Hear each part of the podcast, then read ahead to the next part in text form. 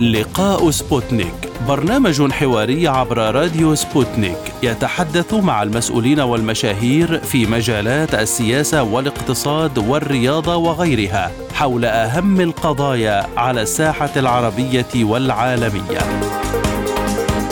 في لقاء سبوتنيك نوجه الأسئلة باسم المستمعين للوصول إلى إجابات على كل استفساراتكم. مع لقاء سبوتنيك تجدون جميع المشاهير في كل المجالات أهلا بكم مستمعينا الكرام في هذه الحلقة من لقاء سبوتنيك يقدمها لكم عبد الله حميد وأحمد أحمد.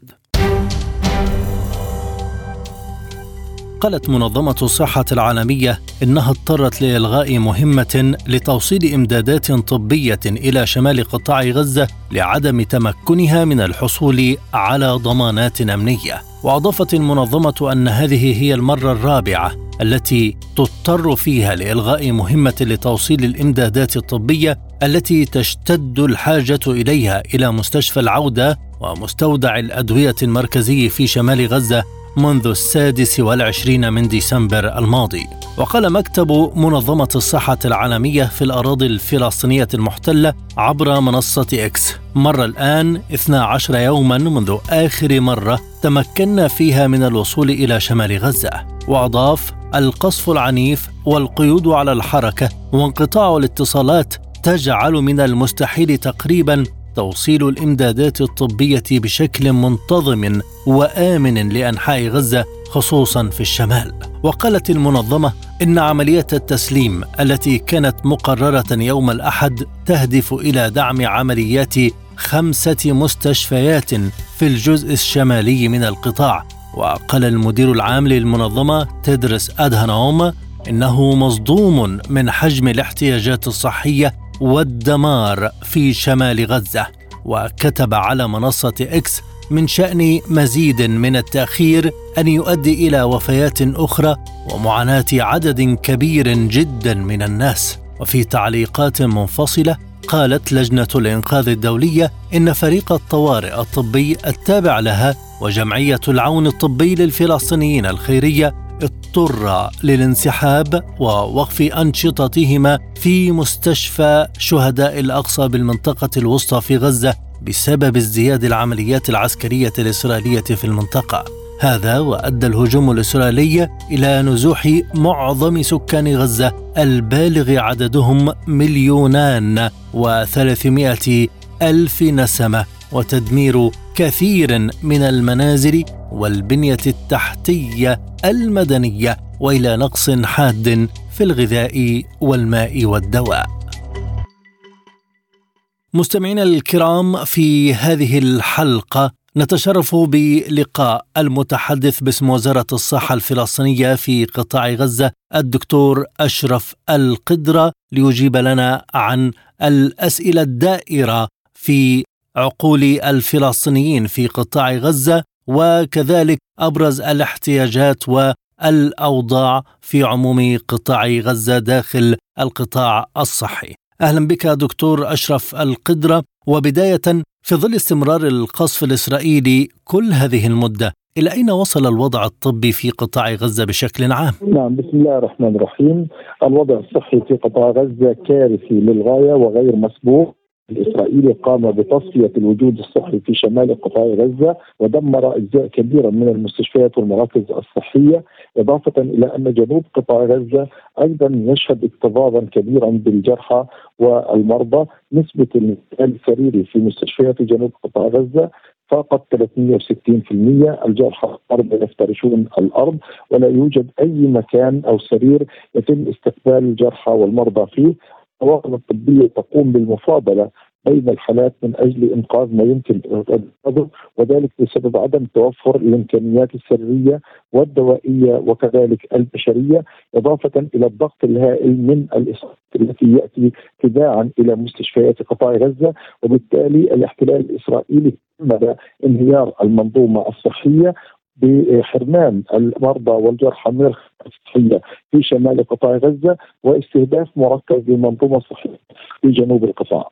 ما آخر الإحصائيات المتعلقة بالقتلى والمصابين جراء القصف الإسرائيلي في القطاع المتواصل راح ضحيته حتى هذه اللحظة 23100 من الشهداء إضافة إلى 58800 ألف 800 70% من ضحايا العدوان الإسرائيلي تركزت في الأطفال والنساء هذه اللحظة إضافة إلى أن الجرحى يحتاجون إلى تدخل جراحية غير متوفرة في القطاع وهذا يؤدي إلى فقدان المئات من الجرحى وهم ينتظرون فرصة للعلاج خارج قطاع غزة. هل هناك انتشار للأوبئة والأمراض بسبب الجثث المتراكمة للضحايا؟ في الشوارع والمستشفيات؟ الاحتلال الإسرائيلي يمنع وصول سيارات الإسعاف والدفاع المدني إلى المناطق الذي يتم استهدافها وهذا يعني أن جثث وجثامين الشهداء تبقى لأيام طويلة وأسابيع طويلة دون الوصول إليها مما يعطي تحلل لهذه الجثث وبالتالي هذه الجثث تصبح مكرهه صحية وتؤثر على الصحة العامة وصحة المجتمع وعلى البيئة وبالتالي هذا الأمر يكون مدعاة لانتشار الأوبئة في قطاع غزة، هذا بالتزامن إلى الاكتظاظ الكبير في آه، بين النازحين حيث أن مليون و ألف نازح باتوا نازحين في مراكز وأماكن المختلفة، هذا الاكتظاظ الكبير أيضا يؤدي إلى انتشار الأوبئة والأمراض المعديه حيث رصدنا حتى اللحظة أكثر من نصف مليون من النازحين أصيبوا بأمراض معديه خلال هذه الفترة التي فقط استطاع العدد هذا الذي يصل إلى المراكز الصحية وبالتالي لربما العدد يكون أكبر بكثير ولكن لم يستطع النازحين الوصول إلى المراكز الصحية سواء في شمال قطاع غزة أو جنوبه بسبب الاستهداف، وبالتالي هذا العدد الكبير ينذر كارثه صحية وإنسانية وبيئية خلال الفترة المقبلة. إلى أي مدى تستهدف إسرائيل المستشفيات والطواقم الطبية والمسعفين في غزة في هذه الأثناء؟ الاحتلال الاسرائيلي منذ اللحظة الأولى العدوان الاسرائيلي يقوم باستهداف مركز وانتهاك واضح لقانون الدولة الانساني واتفاقية جنيف الرابعة باستهداف الطواقم الطبية حيث تم استهداف 336 من الكوادر الصحية حتى اللحظة وإصابة ما يزيد عن 400 آخرين إضافة إلى اعتقال 99 من الكوادر الصحية على رأسهم مدراء مستشفيات شمال قطاع غزة وهذا يتنافى مع القانون الدولي الانساني واتفاقية جنيف الرابعة. دكتور يعني مسألة نقل الجرحى عبر معبر رفح إلى أين وصلتم فيها ومدى آه، مساهمتها في تخفيف الكارثة الصحية في القطاع؟ حتى اللحظة ما خرج حتى اللحظة من الجرحى هو 707 وهذا العدد تقريبا يمثل آه، يعني 1% من حجم الإصابات الموجود في قطاع غزة.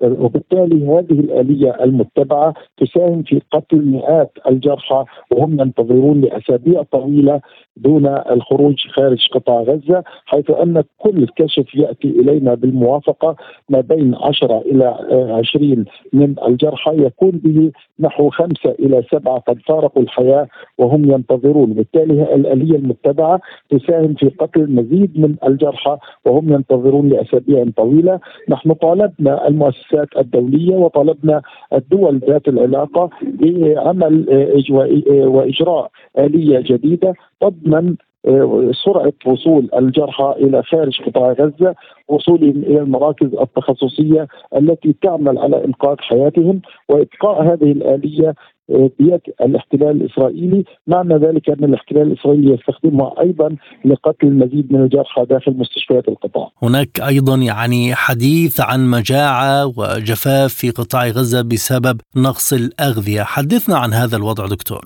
نحن نتحدث اليوم عن ما يزيد عن مليون وتسعمائة ألف مواطن باتوا في مراكز الإيواء وأماكن الإيواء المختلفة والعشوائية في قطاع غزة هؤلاء وفق الأمم المتحدة تقول بأن ما يدخل من مساعدات إنسانية لا يشكل سوى نقطة في بحر الاحتياج الإنساني لهؤلاء النازحين وبالتالي العدد الكبير من النازحين يفتقرون إلى الماء وإلى الطعام وإلى الشراب.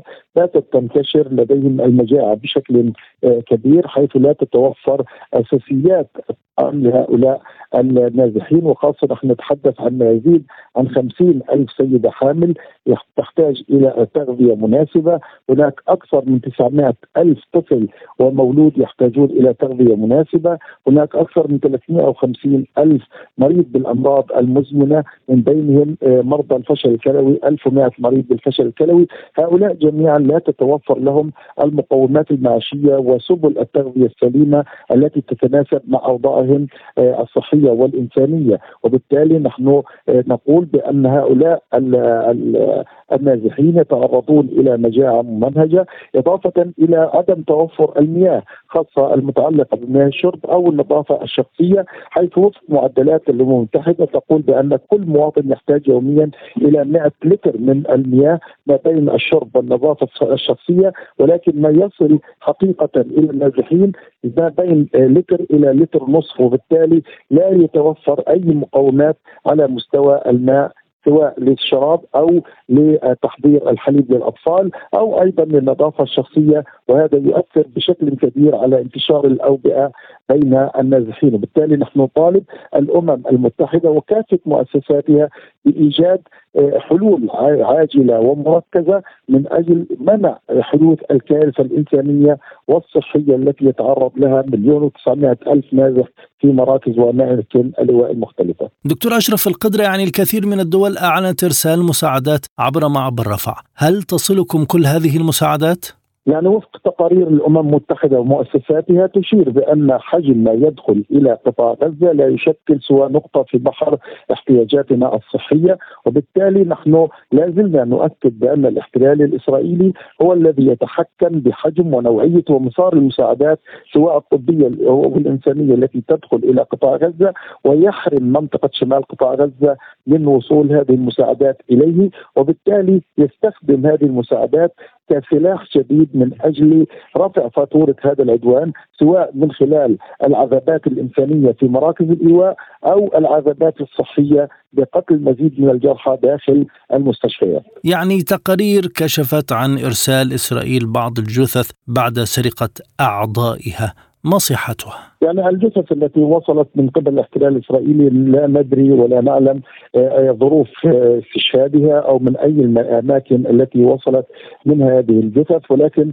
بالمجمل بأن هذه الجثث كانت متحللة وكانت آه، ممزقة. ولكن سلوك الاحتلال الإجرامي يدفعه ويجعله يحدث أي سرقة أو تشويه لهذه الجثث. وبالتالي نحن طالبنا اللجنة الدولية للصليب الأحمر وكافة المؤسسات ذات العلاقة بالكشف عن هذه الجرائم التي ترتكب بحق جثامين شهدائنا. مع الاستهداف الكامل طبعا لمستشفيات قطاع غزة، حدثنا عن الجهود المبذولة لإعادة تشغيلها. يعني حتى اللحظة من الواضح أن المجتمع الدولي عاجز عن تقديم العون والمساعدة الكافية لإنقاذ الوضع الصحي والإنساني في قطاع غزة ولا زال الاحتلال الإسرائيلي يتعنت في إدخال هذه المساعدات. نحن نتحدث عن 193 آه، دولة تشكلها الأمم المتحدة في مجلس الأمن لا زالت عاجزة عن تقديم المساعدة الكافية والملائمة لحجم الكارثة التي يتعرض لها شعبنا خلال العدوان الإسرائيلي. فيما يتعلق أيضا بالمستشفيات دكتور تحدثتم عن أن مستشفيات شمال قطاع غزة دمرت بالكامل، هل هذا صحيح؟ نحن نتحدث عن تدمير لاحق بالمستشفيات سواء بالمباني أو البنى التحتية، نحاول حاليا استعادة العافية لأجزاء من هذه المستشفيات بعد أن قام الاحتلال بتصفية الوجود الصحي في شمال قطاع غزة. ولا ولا زلنا نبحث مع المؤسسات الأممية سبل دعم هذه المستشفيات من أجل إعادة تشغيل أجزاء منها، نجحنا في تشغيل جزء من غرف العمليات في مجمع الشفاء الطبي وجزء من قسم الطوارئ وكذلك أيضا المشكلة آه، أيضا نجحنا في تشغيل مستشفى المعمداني وتشغيل مستشفى أصدقاء المريض وكذلك تشغيل مستشفى العودة ولكن استمرار تشغيل هذه المستشفيات يحتاج إلى مزيد من الدعم من قبل المؤسسات الأممية من أجل إتمام الوظائف الحيوية لهذه المستشفيات. حتى تمنح الصحة والعافية. ألف نسمة لا زالوا يقطنون في شمال قطاع غزة. نعم شكرا جزيلا لك دكتور أشرف القدرة المتحدث باسم وزارة الصحة في غزة. كنت معنا ضيفا كريما في هذه الحلقة من لقاء سبوتنيك. مستمعينا الكرام أنتم الآن تستمعون إلى حلقة جديدة من برنامج لقاء سبوتنيك. إلى فقرة أخرى في هذه الحلقة من لقاء سبوتنيك. قالت منظمة إنقاذ الطفولة إن أكثر من عشرة أطفال يفقدون إحدى الساقين أو كلتيهما يوميا في قطاع غزة منذ بدء القصف الإسرائيلي قبل ثلاثة أشهر. وجاء في بيان للمنظمة التي تتخذ من لندن مقرا لها أنه منذ السابع من أكتوبر تشرين الأول الماضي فقد أكثر من ألف طفل إحدى سيقانهم أو كلتيهما وفقا لمنظمة الأمم المتحدة للطفولة يونسف وأشارت إلى أن معظم العمليات الجراحية التي أجريت لهؤلاء الأطفال تمت من دون تخدير. ولفتت المنظمة إلى أن ذلك يأتي في الوقت الذي تعاني فيه المنظومة الصحية في غزة من الشلل التام بسبب الصراع والنقص الكبير في عدد الأطباء وأفراد التمريض والإمدادات الطبية مثل التخدير والمضادات الحيوية وفقا لمنظمة الصحة العالمية. وأشارت المنظمة إلى أنه في حين أن 13 مستشفى من أصل 36 في غزة لا تزال تعمل بشكل جزئي إلا أنها تعمل على أساس جزئي ومتقطع وتعتمد على حصولها على الوقود والإمدادات الطبية الأساسية في أي يوم. من جهته قال منسق شؤون المنظمة في الأراضي الفلسطينية المحتلة جيسون لي إنه شاهد الأطباء والممرضات يشعرون بالعجز التام عندما يأتي الأطفال مصابين بجروح ناجمة عن الانفجارات. وتابع أن معاناة الأطفال في هذا الصراع لا يمكن تصورها والأكثر من ذلك أنها غير ضرورية ويمكن تجنبها تماما. لإلقاء الضوء على الوضع بشكل عام كذلك وعن الجهود المبذولة في القطاعات الصحية والإغاثية ينضم إلينا من غزة السيد رائد النمس المتحدث باسم الهلال الأحمر الفلسطيني. أهلا بك أستاذ رائد معنا في هذه الحلقة. بداية ما هو الوضع حاليا بالنسبة للمصابين والمرضى في قطاع غزة؟ أهلا بكم. في الواقع الوضع هنا الصحي بالغ السوء وذلك في ظل يعني شبه انهيار المنظومة الصحية بأكملها.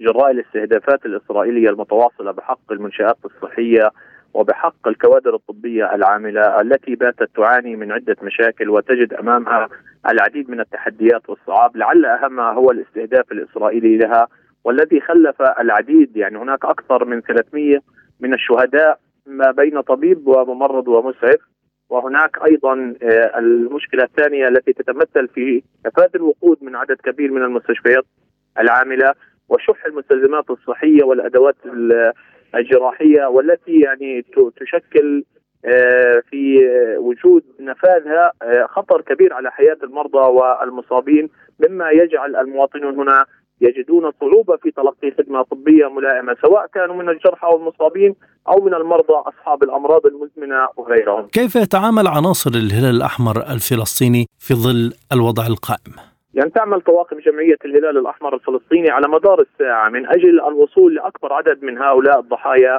سواء كانوا من المرضى أو المصابين أو حتى من العائلات النازحة. يعني نحن نتحدث عن نحو مليون وتسعمائة ألف نازح الآن في قطاع غزة. نتحدث عن وجود نحو ستين ألف إصابة وتدمير أكثر من 350 ألف وحدة سكنية. وبالتالي هذه الأعداد الكبيرة من المصابين والضحايا والنازحين تتطلب جهودا كبيرة لاحتواء الأزمة وتقديم الخدمات المناسبة لهم وتلبية احتياجاتهم والعمل على الحد من معاناتهم. ولكن تصطدم أيضا طواقمنا العاملة بالاستهداف الإسرائيلي ووضع عراقيل أمام آه، تقديمها لهذه الخدمات الصحية والإنسانية. ورغم وجود كبير من الشهداء بين صفوف جمعية الهلال الأحمر الفلسطيني واعتقال عدد من كوادرها من قبل جيش الاحتلال الإسرائيلي لا نعلم حتى الآن أين تم اقتيادهم وما هي ظروف اعتقالهم ولكن طواقمنا تعمل على مدار الساعة في مجال الخدمات الإسعافية والخدمات الصحية من خلال مستشفى الأمل في خان يونس والذي بالمناسبة يتعرض للعديد من الانتهاكات والقصف المتعمد بهدف إخراجه عن الخدمة كما حدث مع مستشفى القدس التابع للجمعية في غزة. كما نعمل في مجال الإغاثة وتقديم ما نستطيع من إمكانيات متوفرة لمراكز الإيواء العاملة في قطاع غزة. اذا سيد رائد هل توجد إحصائية محددة لمن تم اعتقالهم من جانب القوات الإسرائيلية؟ يعني الحديث يدور عن اعتقال نحو 150 من الكوادر الطبية العاملة على مستوى قطاع غزة سواء كانوا من الهلال الأحمر الفلسطيني أو من غيرها من مقدمي الخدمات الصحية والإنسانية وبالتالي آه، نحن ناشدنا المنظمات العاملة في المجتمع الدولي مثل منظمة الصحة العالمية واللجنة الدولية للصليب الأحمر وجميع الشركاء في الحركة الدولية للهلال الأحمر والصليب الأحمر على مستوى العالم، هناك عدة آه، مناشدات وقرارات صدرت بهذا الخصوص ولكن للأسف لا زال جيش الاحتلال الإسرائيلي يضرب بعرض الحائط جميع هذه القرارات والمناشدات ويواصل الاعتداء على الطواقم الطبية والتنكيل بهم واستجوابهم لساعات طويلة ومواصلة اعتقال من تم اعتقاله. من يقدم الخدمات الإغاثية والصحية الآن إلى جانبكم سواء من الجانب الفلسطيني أو الدولي؟ يعني هناك عدة مؤسسات محلية ودولية تشارك في عملية تقديم الخدمات الإغاثية والصحية مثل وكالة الغوث الأنور التابعة للأمم المتحدة منظمة الصحة العالمية وزارة التنمية والشؤون الاجتماعية وغيرها من أقطاب المجتمع المحلي والدولي التي تعمل على تلبية احتياجات الفئات الأكثر تضررا ولكن تجدر الإشارة هنا بأن الإمكانيات المتوفرة والمساعدات التي يتم إدخالها عبر معبر رفح البري جنوب قطاع غزة لا تتناسب مطلقا مع الاحتياج الكبير الذي يعاني منه قطاع غزة جراء وجود عدوان مستمر أكثر من 95 يوما مخلفا العديد من الدمار في مختلف مناحي الحياة وبالتالي يجب زيادة هذه المساعدات والعمل على توفير ممر إنساني على مدار الساعة لكي يتسنى للمساعدات الدولية والعربية التدفق ولكي نتمكن من تقديم الخدمات الملائمة للفئات المتضررة تواصلكم وتنسيقكم مع الجهات الدولية المختصة ما هو طبيعة الرد الذي تتلقونه منهم فيما يخص الجانب الإغاثي؟ الإغاثة مواضيع زيادة عدد المساعدات المساعدات للأسف تخضع لموافقة من الجانب الإسرائيلي وتخضع لعملية تفتيش أيضا في معبر كارلي وبالتالي هذا يتطلب وقتا كبيرا مما يجعل من المساعدات التي يتم إدخالها قليلة جدا. ناهيك بأن معبر رفح البري في الأساس هو معبر مخصص للمسافرين ولا تتحمل قدرته الاستيعابية زياده هذه المساحات. وبالتالي كنا طلبنا بإدخال مساعدات أكبر من معبر كرم أبو سالم أو معبر إيرز. شمال قطاع غزة وذلك ليتسنى لنا أيضا تقديم المساعدات لأهالي شمال قطاع غزة والذين تمنع قوات الاحتلال الإسرائيلي أي من قوافل المساعدات من الوصول إليهم. طيب وبالنسبة لردودهم حول الملفات الأخرى؟ يعني تعمل هذه المنظمات على المطالبة عن طريق مجلس الأمن وعن طريق الهيئات الدولية في المجتمع الدولي من أجل الضغط على إسرائيل للاستجابة إلى الاحتياجات الإنسانية والإغاثية والصحية ولكن للأسف حتى هذه المنظمات لا تلقى اذنا صاغية من قبل قوات الاحتلال الإسرائيلي ومن قبل حكومة الاحتلال الإسرائيلي فهي مستمرة في آه، سياسة التقطير في المساعدات ومستمرة في العدوان ومستمرة في التعدي على الطواقم الطبية واعتقال كوادرها وبالتالي هي تصطدم بهذا التعنت الإسرائيلي. سيد رائد يعني الأدوات التي تملكها جمعية الهلال الأحمر هل تكفي للوضع في قطاع غزة الآن؟ بالتأكيد لا تكفي لأن أساسا الجمعية أيضا تعرضت لعدد من آه، الانتهاكات والضرب لمقراتها مما أخرج كلا من مقر غزة وجباليا. عن العمل بالإضافة إلى تدمير مبنى المستودعات المركزية والتخريب المتعمد لمستشفى القدس والآن الحاق الأذى بشكل يومي في مستشفى الأمل. فبالتالي الإمكانيات التي كانت متوفرة لدينا بالتأكيد نضبت وانتهت على مدار أكثر من 95 يوما وما يتم إدخاله كما قلنا من مساعدات لا يفي بالحج بالحد المطلوب من للاحتياج الملح. وبالتالي آه، نحن نعمل وفق سياسة ترشيد بالغة التعقيد. بهدف إطالة عمر وأمد الخدمات الطبية والصحية والإغاثية المقدمة. ما هي احتياجاتكم الأساسية لمواجهة الوضع المأساوي للقطاع؟ في المقام الأول نحن بحاجة إلى وقف إطلاق نار دائم، هذا من أجل وقف سفك الدماء والنزيف الذي يجري في قطاع غزة مستهدفا النساء والأطفال هذا بالدرجة الأولى أما على الصعيد المهني والأدوات فنحن بحاجة إلى إدخال الوقود بكميات أكبر ليتسنى لنا إعادة تشغيل المرافق العاملة مثل مستشفى القدس وأيضا اعاده تفعيل مستشفى الأمل التي تعمل وفق سياسه الترشيد كما قلنا. ونحن بحاجة للوقود لإعادة تشغيل عربات الإسعاف التي توقفت في غزة وشمالها.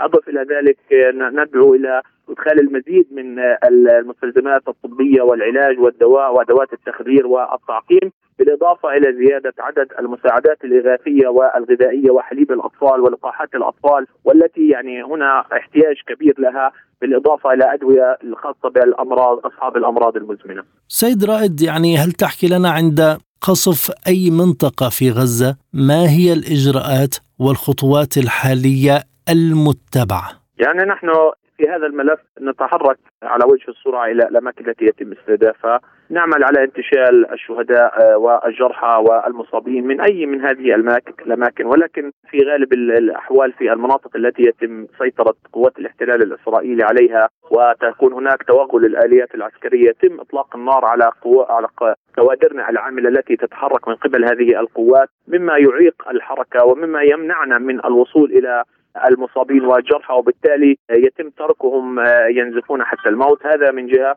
ومن جهة أخرى الطواقم العاملة في الدفاع المدني إمكانياتها متواضعة جدا. ناهيك على أن غالبيتها هناك أكثر من 70 أو 80% من هذه الإمكانيات من الآلات الثقيلة الخاصة برفع الركام والحفر من أجل الوصول إلى المصابين تحت أنقاض المنازل. هذه أيضا متوقفة جراء نفاذ الوقود.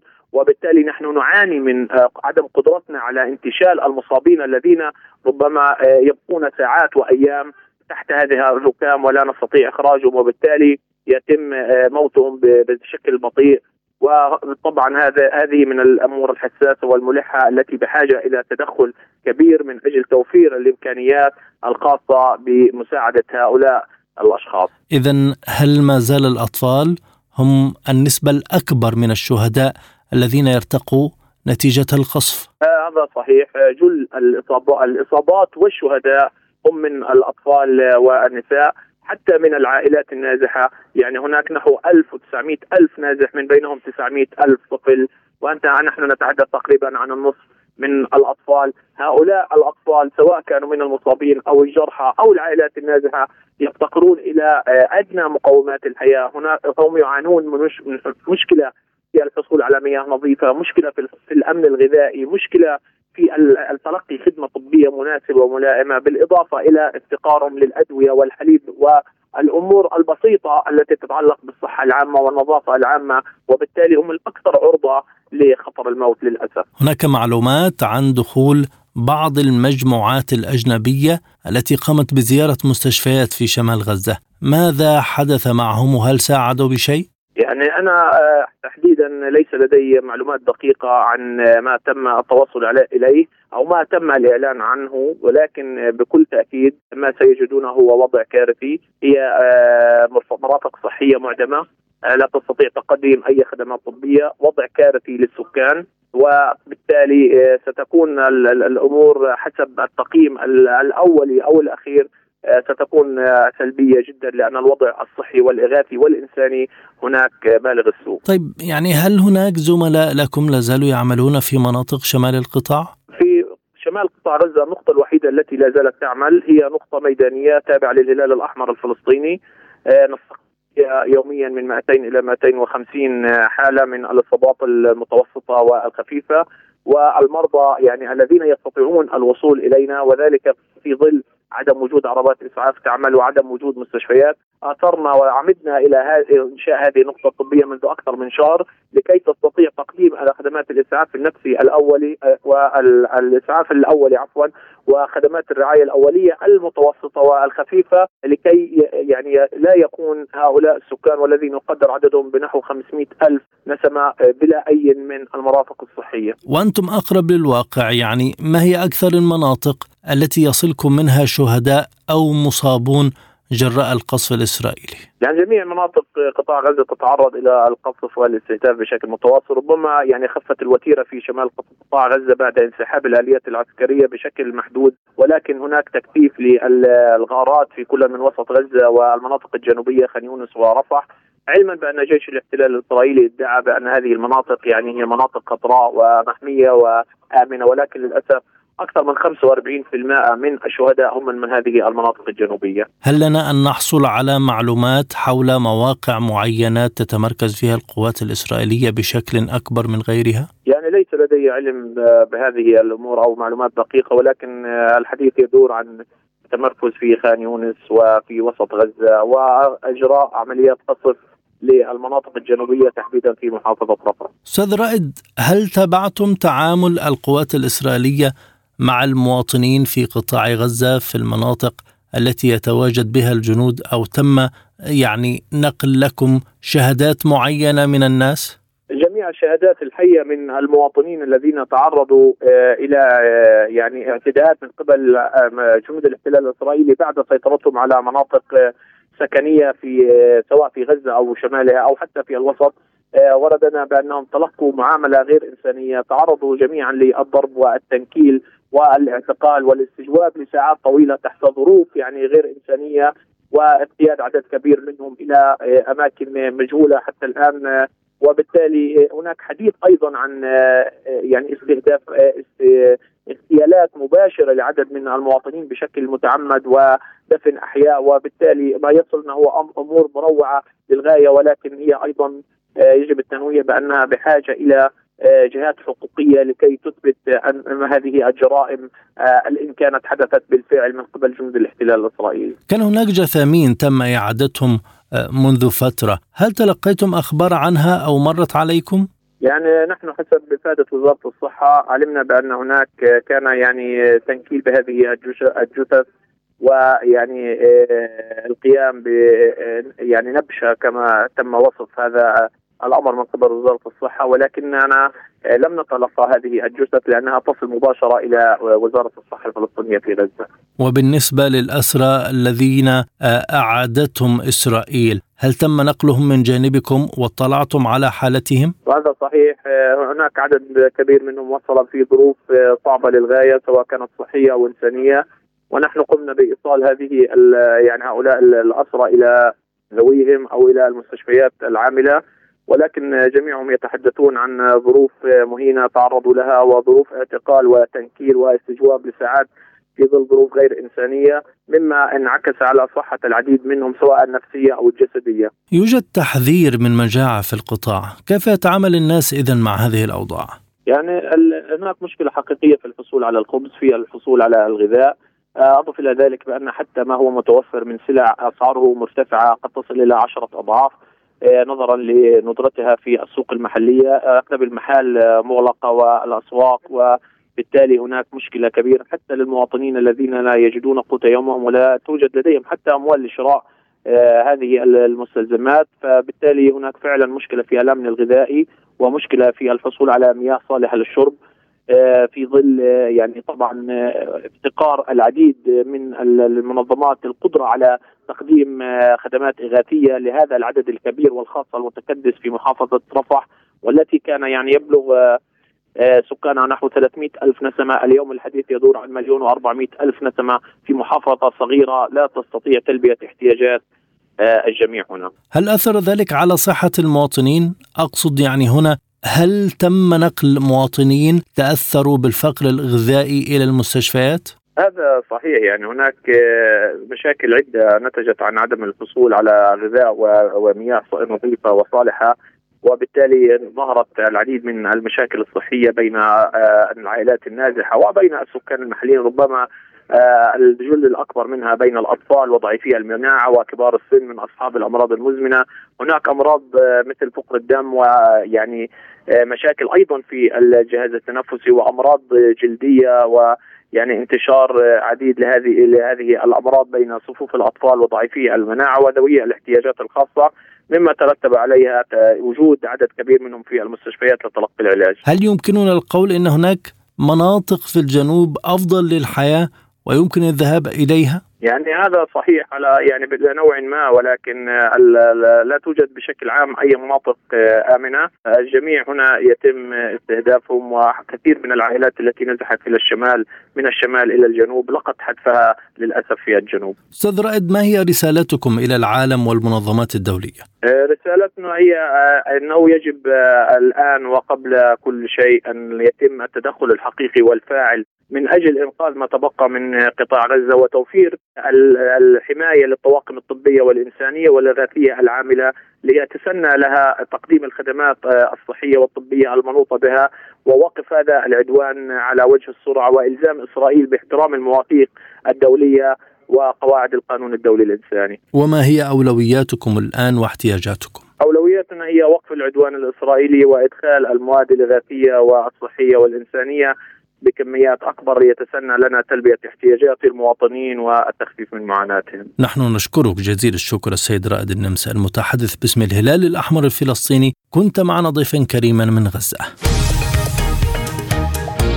عالم سبوتنيك يغطي جميع الأحداث السياسية والاقتصادية والرياضية حول العالم. على مدار ساعة تتابعون عالم سبوتنيك مع أهم خبراء التحليل السياسي والاقتصادي. نقترب معكم في متابعة دقيقة من القضايا السياسية والاقتصادية، كما نستعرض أهم الأخبار الرياضية والفنية والبيئية.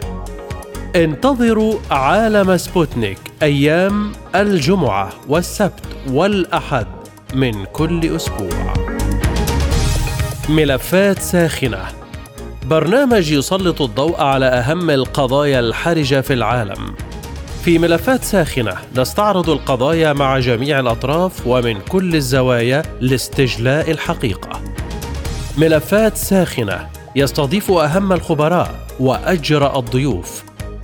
تابعوا ملفات ساخنة مع راديو سبوتنيك أيام السبت والثلاثاء والخميس من كل أسبوع.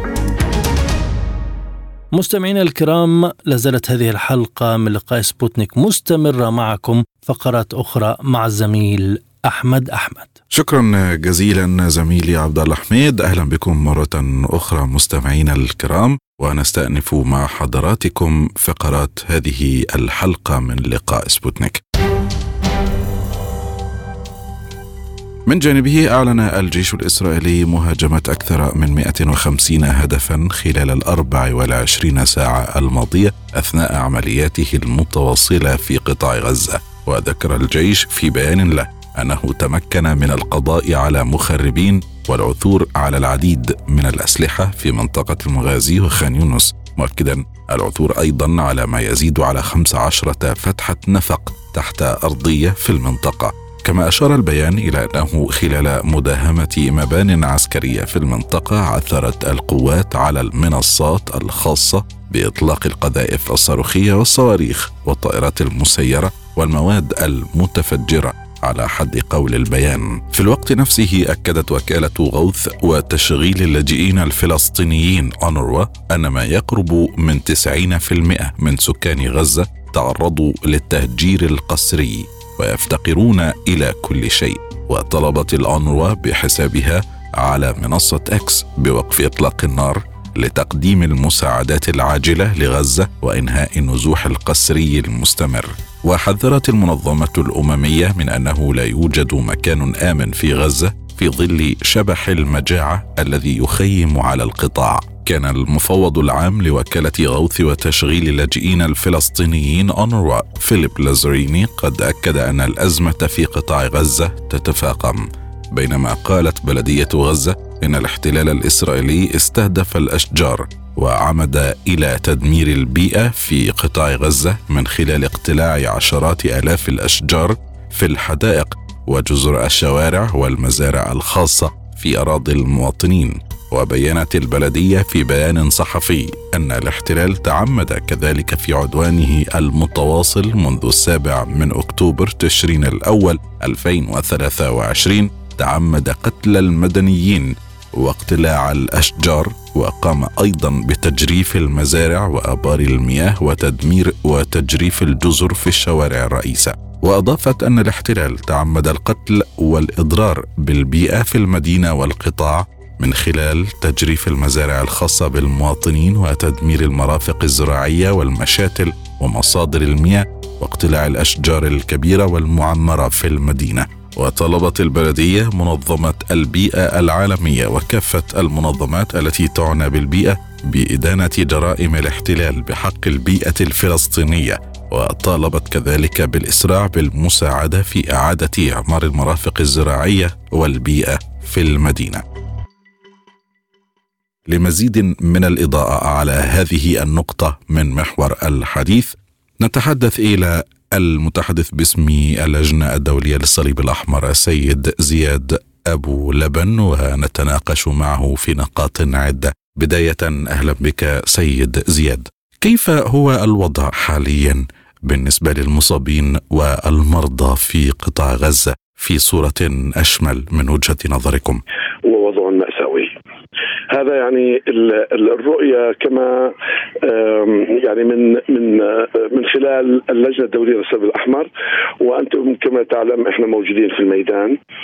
آه، لنا خطوط ساخنة يتصل بنا آه، كثير من الغزيين آه، لمساعدتهم في كثير من الأمور في الإجلاء الاستعلام عن ذويهم المفقودين إخلاء بعض المناطق وأيضا هذا كله يعني بالنسبة لنا يعني حاجة كبيرة جدا وحاجات معقدة. وهذه الحاجات للأسف لا يستطيع شخص أو منظمة بعينها أن تستجيب لهذا البحر الهادر من الاحتياجات. يجب أن يكون هناك تكافل جماعي حتى يستطيع آه، آه، آه، المجتمع الإنساني أو المنظمات الإنسانية أن الحاجات الضخمة الهائلة لأهل قطاع غزة. يعني هل هنالك أي تفاصيل عن أزمات تفاقمت مؤخرا ولم يعد هنالك القدرة على التعامل معها؟ أنا لا أستطيع الحديث عن عن أزمات هو الوضع كله كارثي بمعنى الوضع كله صعب هناك يعني عدد كبير من الضحايا وعدد كبير من الجرحى. المستشفيات لا تستطيع أن أن تستجيب لهذا الكم الكبير من الجرحى. هناك كثير من من الاحتياجات الخاصة بإعادة الروابط العائلية بين الأسر التي تشتت شملها من خلال النزاع. هناك أيضا احتياجات لها علاقة بالاستعمال الاعلام عن آه، حالات اعتقال آه، آه، كثيرة ويعني وهذا أيضا هو كله يعني ينضوي تحت إطار التصويب الممنوع في اللجنة الدولية للصليب الأحمر ولكن من أجل الحقيقة هو يصعب يعني في هذه الظروف الحالية الاستجابة الكاملة ونستطيع أن نحاول أن نقدم عمل نوعي أكثر منه عمل كمي بالرغم من إنه كمية المطالب كمية كبيرة ولكن توجهنا نحن في اللجنة الدولية للصليب الأحمر إلى نوعية العمل التي قد تستجيب إلى نواحي معينة. آه، و و وركزنا عليها في عملنا. وأعطيك على سبيل المثال ما ما له علاقة بالمستشفيات، نحن لدينا طاقم من المتخصصين في جراحة الحرب في المستشفى الأوروبي واجروا آه، مئات العمليات الجراحية من أجل إنقاذ حياة المصابين.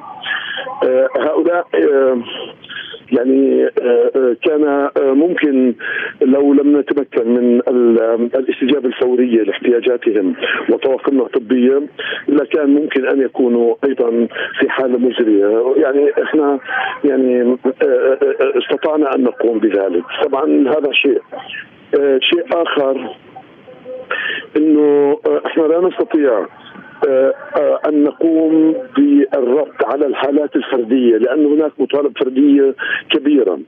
نحاول أن أن أن نقيم الوضع ونرى أين الحاجة العامة آه، وماذا باستطاعته أن يحدث تغييرا في حياة الناس ونركز عليه.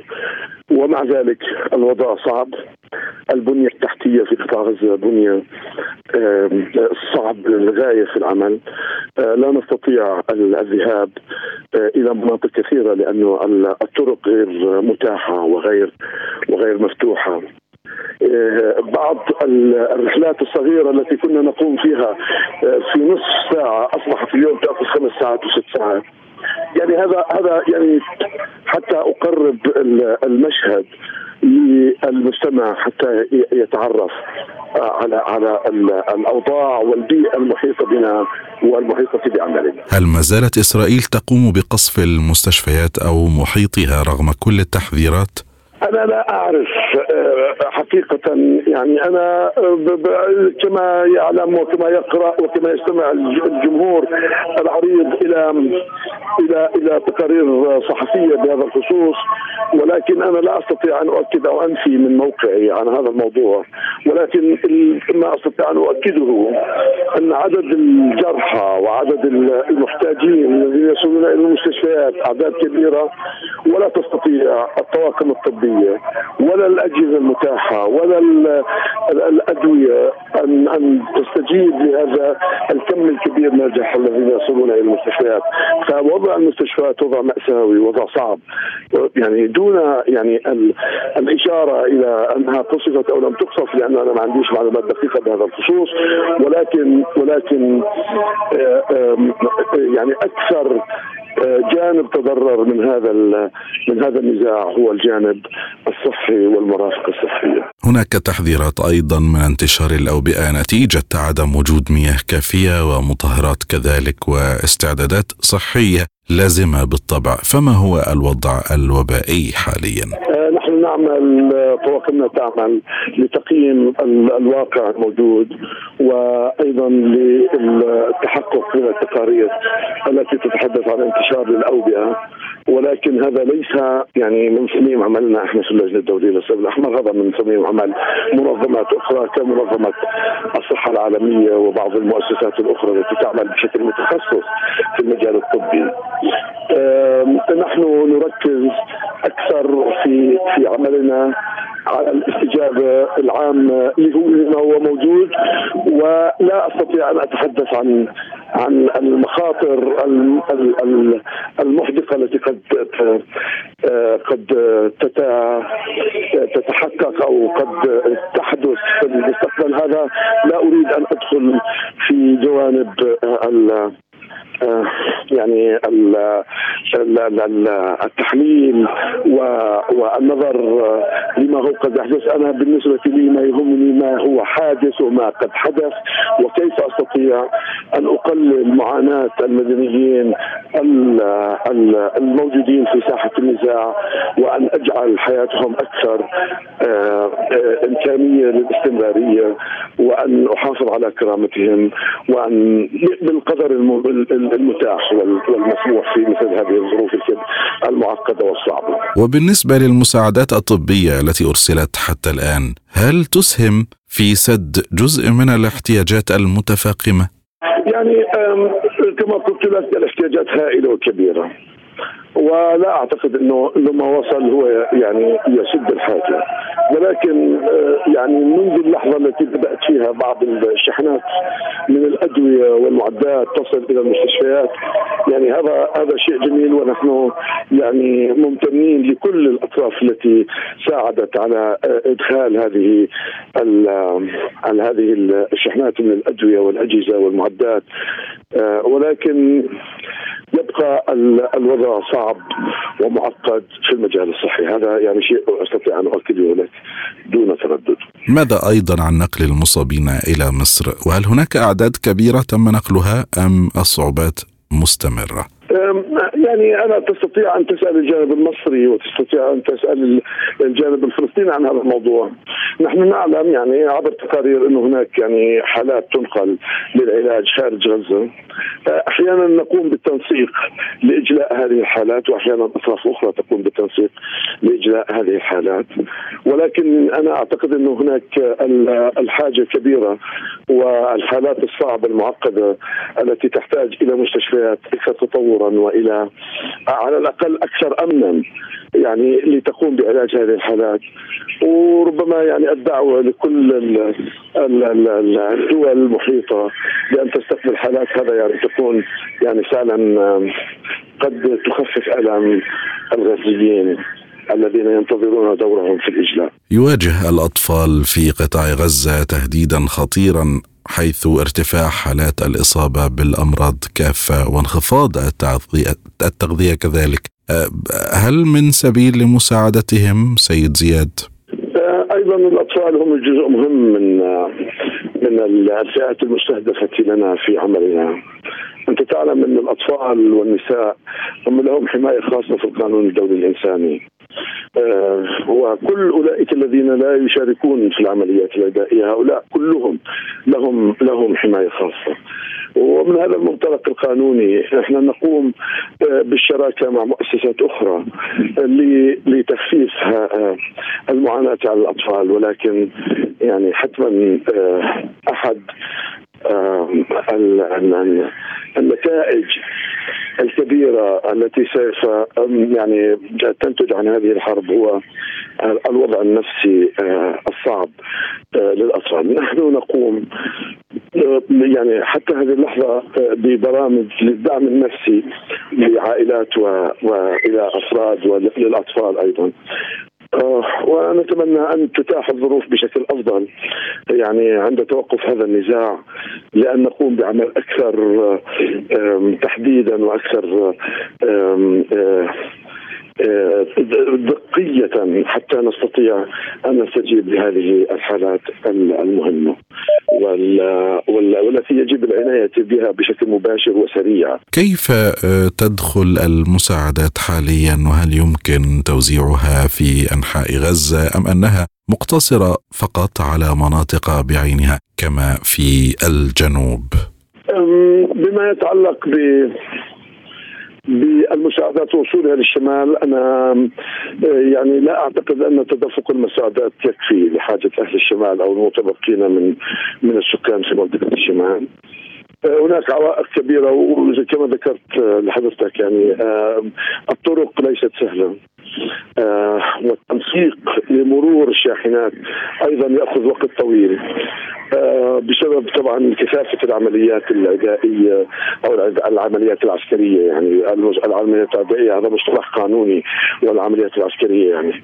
هناك هناك آه، في مناطق معينة كما قلت لك يعني سابقا لا نستطيع الدخول ولا الوصول ولا يقبل تنسيقنا للدخول هذه المناطق لأنها مناطق تعتبر خطرة ولا ولا يستطيع أحد الدخول إليها وكما تعلم المنطقة الشمالية أيضا كثير من مناطق الشمال هي ما زالت مناطق عسكرية مناطق آه وكثافة آه آه العملية العسكرية كبيرة فيها وبالتالي الوصول لا يعني هناك وصول للمساعدات ولكن ليس بالحد الأدنى ولا يصل الحد الأدنى من الاحتياجات التي يعني نعرفها في منطقة الشمال. سيد زياد ماذا أيضا عن أوضاع النساء بصفة خاصة في ظل عدم وجود مرافق واحتياجات شخصية ضرورية؟ النساء آه، يعني من الفئات المحمية آه، بشكل خاص في القانون الدولي الإنساني ويتوجب على الجميع أن يقدم لهن الحماية فهي الأم والأخت والزوجة وعليها مسؤوليات كبيرة في رعاية الأطفال في هذه الظروف. وهذا أيضا يعني آه، مسألة يعني حقيقة فيها ضعف عام في تقديم العون والمساعدة للنساء بشكل يعني أساسي. ولكن أيضا نحاول نحن في اللجنة الدولية للشعب الأحمر أن نركز آه، في بعض برامجنا للمساعدات على فئة النساء حتى تستفيد منها ونستطيع أن نقدم آه، شيء ذو مغزى لتحسين الحياة. واكرر أيضا انه مهما قدمنا ومهما يقدم الآخرين الحاجة أكبر من ذلك بكثير وهذا هو الموضوع الأساسي. يعني يعني دعنا نطلق نداء بأنه يعني ما دامت الظروف آه، بهذا الشكل اللي موجود حاليا لا يستطيع لا العاملين في المجال الإنساني ولا أي آه، فئة أخرى تريد أو أو تحذو للمساعده أن تقدم.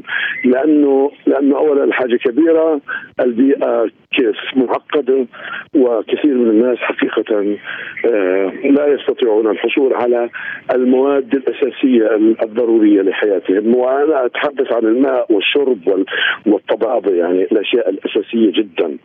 للنساء للأطفال وللرجال يعني. وهم كلهم محميون ومدنيون حسب الاتفاقيه الرابعه من اتفاقيه جنيف. وهل هم كما تقول سيد زياد محميون فعلا هذه الفئات؟ والنساء تحديدا هل هن محميات بالفعل على الأرض؟ قانونيا يا سيدي العزيز هم محميون. بس هل هذه الحماية تطبق؟ وهل هذه الحماية يعني تفهم و, و هذا موضوع آخر. وهذا موضوع نحن نعالجه ليس عبر وسائل الإعلام ولكن عبر الاتصالات والحوار الثنائي مع أطراف النزاع.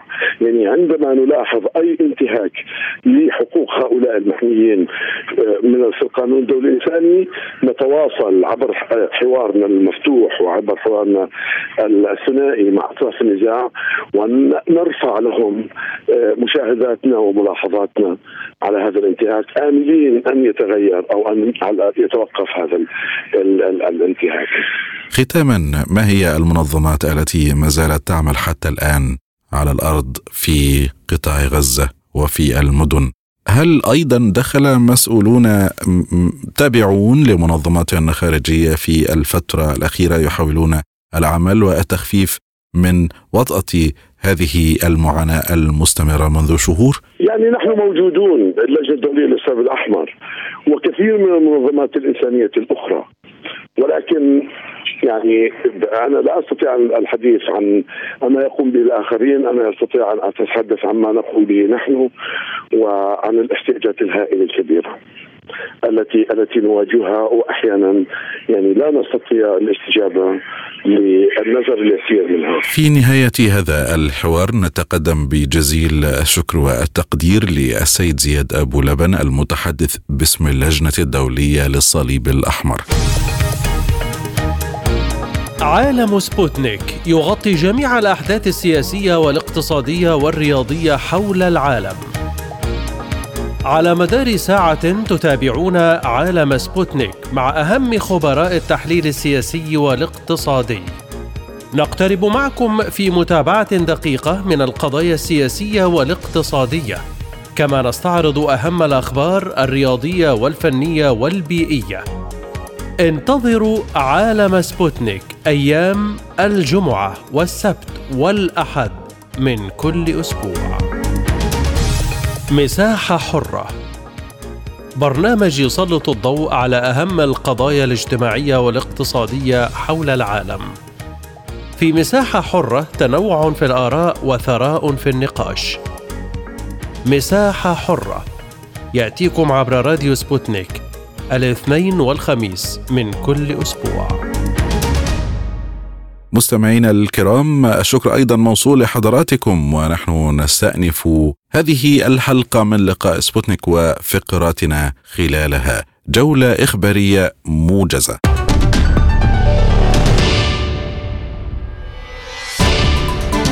أكدت السلطات الأوكرانية مقتل طيارين مقاتلين أحدهما ومن أكثر الطيارين خبرة في أوكرانيا نائب قائد لواء الطيران التكتيكي التاسع وثلاثين الرائد رومانينكو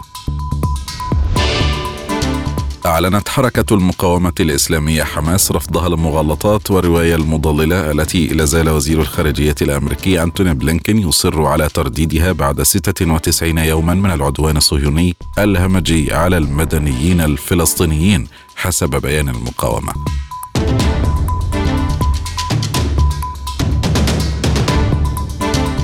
أعلن حزب الله مقتل أحد عناصره من بلدة كفر شوبة جنوب لبنان وقال في بيانه إن المجاهد نابغ أحمد القدري أبو علي ارتقى شهيدا على طريق القدس إثر غارة إسرائيلية على بلدة كفر شوبة في جنوب لبنان أعلن وزير الدفاع البريطاني جراند شابس أن إحدى السفن الحربية نجحت مع سفن أمريكية في صد أكبر هجوم لجماعة أنصار الله في البحر الأحمر حتى الآن. يصوت مجلس الأمن الدولي على مشروع قرار أمريكي يدين هجمات الحوثيين على سفن الشحن في البحر الأحمر ويطالبهم بوقف الهجمات وتحرير ناقلة جالكسي التي يحتجزونها. أكدت الحكومة العراقية أنه يتم حاليا صياغة جدول زمني لخفض عدد قوات التحالف الدولي والمستشارين العسكريين الأجانب العاملين في العراق. وإلى هنا مستمعينا الكرام نصل إلى ختام هذه الجولة الإخبارية الموجزه والسريعة وكذلك ختام حلقتنا اليوم من لقاء سبوتنيك. شكرا جزيلا حسن إصغائكم ونلقاكم دائما على خير وسلام.